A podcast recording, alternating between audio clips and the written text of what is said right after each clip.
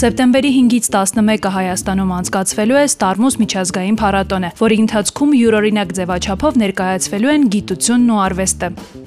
Փառատոնին ընթരാճ Իմ ռադիոն պատմում է տիեզերքի հրաշալիքների մասին։ Բովանդակությունը հեղինակել եւ ներկայացնում է տիեզերք նախաձեռնության անդամ Տաթև Չուխուրյանը։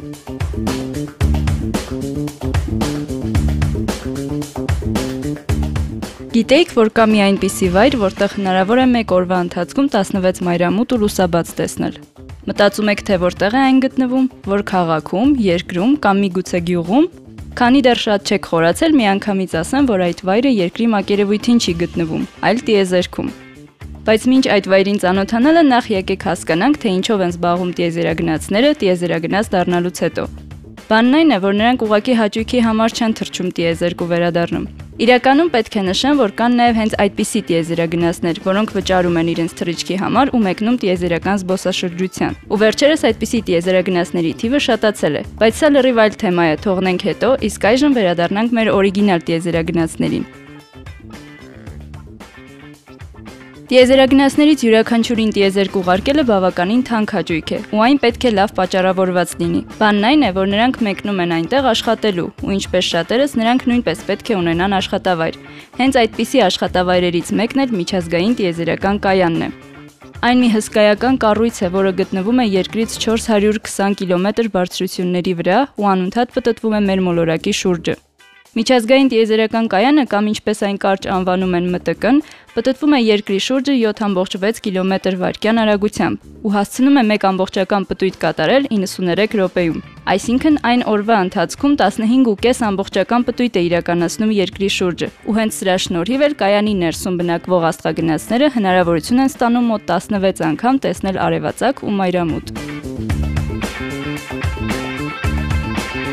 Եթե այս փաստն արդեն իսկ ցնցեց ձեզ, անցնենք առաջ, տեսնենք էլ ինչ հետաքրքիր բաներ են սպասվում։ Կայանը շատ ու շատ այլ առանձնահատկություններ էլ ունի։ Դրանցից մեկն է նրա չափերն են։ Այն ահռելի մի կառույց է, իրականում տիեզերքում հայտնված մարդու կողմից ստեղծված ամենամեծ կառույցն է։ Կայանն ամբողջությամբ կշռում է ավելի քան 444 տոննա ու չափերով մոտ է ֆուտբոլի դաշտի չափերին։ Հիմա գուցե զարմանաք, թե ինչպես են այս հսկայական կառույցը հասցրել տիեզերք ու ինչով։ Այն տարել են ոչ թե միանգամից, այլ առանձին առանձին, իսկ դրանք իրար միացնելու համար, այսպես ասած, շինարարական աշխատանքները իրականացվել են հենց տիեզերքում։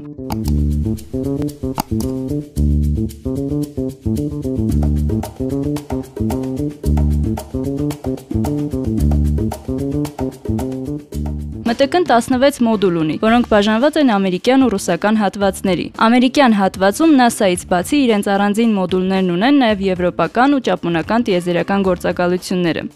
Ինքը կայանը հանդիսանում է 14 երկրների համատեղ ջանքերի արդյունք, բայց ամենամեծ դերդրումն ունեցել են ԱՄՆ-ն ու Ռուսաստանը։ Այս ծրագրի ամբողջական արժեքը գնահատվում է 120 միլիարդ դոլար, ինչը դրան դարձնում է մարդկության պատմության ամենաթանկարժեք ծրագրերից մեկը։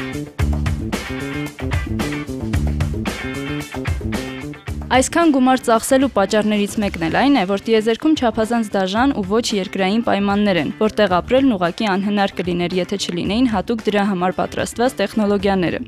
Նախ այնտեղ օդ չկա։ Չես կարող նույնիսկ պատուհանները բաց թողնել, որ սենյակն օդափոխվի։ Ուտելիքը ամենամեծ խնդիրներից մեկն է, որն առաքվում է երկրից մի քանի ամիսը մեկ անգամ մեկնող տիեզերանավերի միջոցով։ Ու որ ամենակարևորն է, կայանում անկշռություն է, ինչի պատճառով այստեղ ամեն ինչ օդում լողում է, բարիս բուն իմաստով։ Այսինքն, եթե ձեր մանկության երազանքը եղել է թռչելը, մի մտահոգվեք, ՄՏԿ-ում նույնիսկ դա է հնարավոր անել։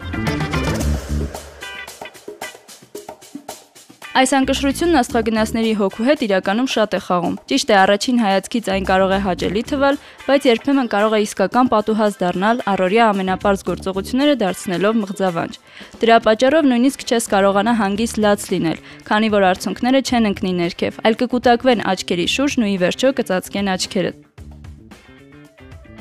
Պատկերացնելու համար, թե որքան բարդ է ընթանում նրանց կյանքը տիեզերքում, ուղղակի բավական է հիշել, որ նրանք անգամ զրկված են ամենօրյա լոգանքի հնարավորությունից, քանի որ ջրի կաթիլները կսկսեն լողալ օդում ու այդպես էլ չեն հասնի գետին, ու հնարավոր է նույնիսկ փչացնեն տեխնիկան։ Լոգանքի փոխարեն աստղագնացներն ուղղակի օգտվում են խոնավ կտորներից։ Բայց այս անկշռությունը մի հետևանքել է թողնում, որից աստղագնացներն արդեն պետք է խիստ զգուշանան։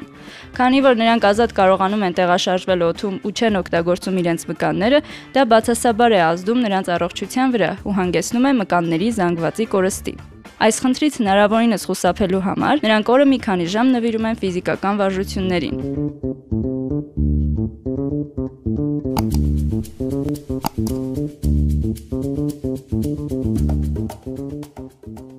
Եվ վերջապես հասանք ՄՏԿ-ի հետ կապված ամենակարևոր հարցին. ինչի համար է այն նախատեսված։ Արդեն գիտենք, որ այն աստղագնացների աշխատավայրն է, բայց ինչ են նրանք այստեղ անում ամիսներ շարունակ։ Սա հասկանալու համար նախ պետք է հասկանանք, որ ՄՏԿ-ն իրականում գիտական լաբորատորիա է, այսինքն այստեղ անց են կացվում տարատեսակ գիտական փորձեր, որոնց անցկացման համար տիեզերական պայմաններ են հարկավոր։ Այս փորձերն օգնում են հասկանալ ինչպես են այս պայմաններն ազդում մարդու հոգեկան, ֆիզիկական ու մտավոր առողջության վրա, ինչպես կարելի է այստեղ աճեցնել բույսեր ու արդյոք դրանք պիտանի են ուտելու համար։ Ինչպես կաշխատեն տեխնոլոգիաներն այս պայմաններում ու այսպես շարունակ։ Հետագայում այս փորձերի արդյունքները օգնելու են պատրաստվել երկարատև թռիչքներին, այդ թվում նաև դեպի լուսին ու դեպի Մարս։ բայց ՄՏԿ-ն իր հերթին նաև երկրային կյանքը բարելավելուն է օգուտ տալիս։ Կայանից իրականացում է երկրի դիտարկում, ինչպես նաև այստեղ իրականացվող փորձերն օգնում են բարելավել տեխնոլոգիաներն այնպիսի ոլորտներում, ինչպիսիք են բժշկությունը, գյուղատնտեսությունը եւ այլն։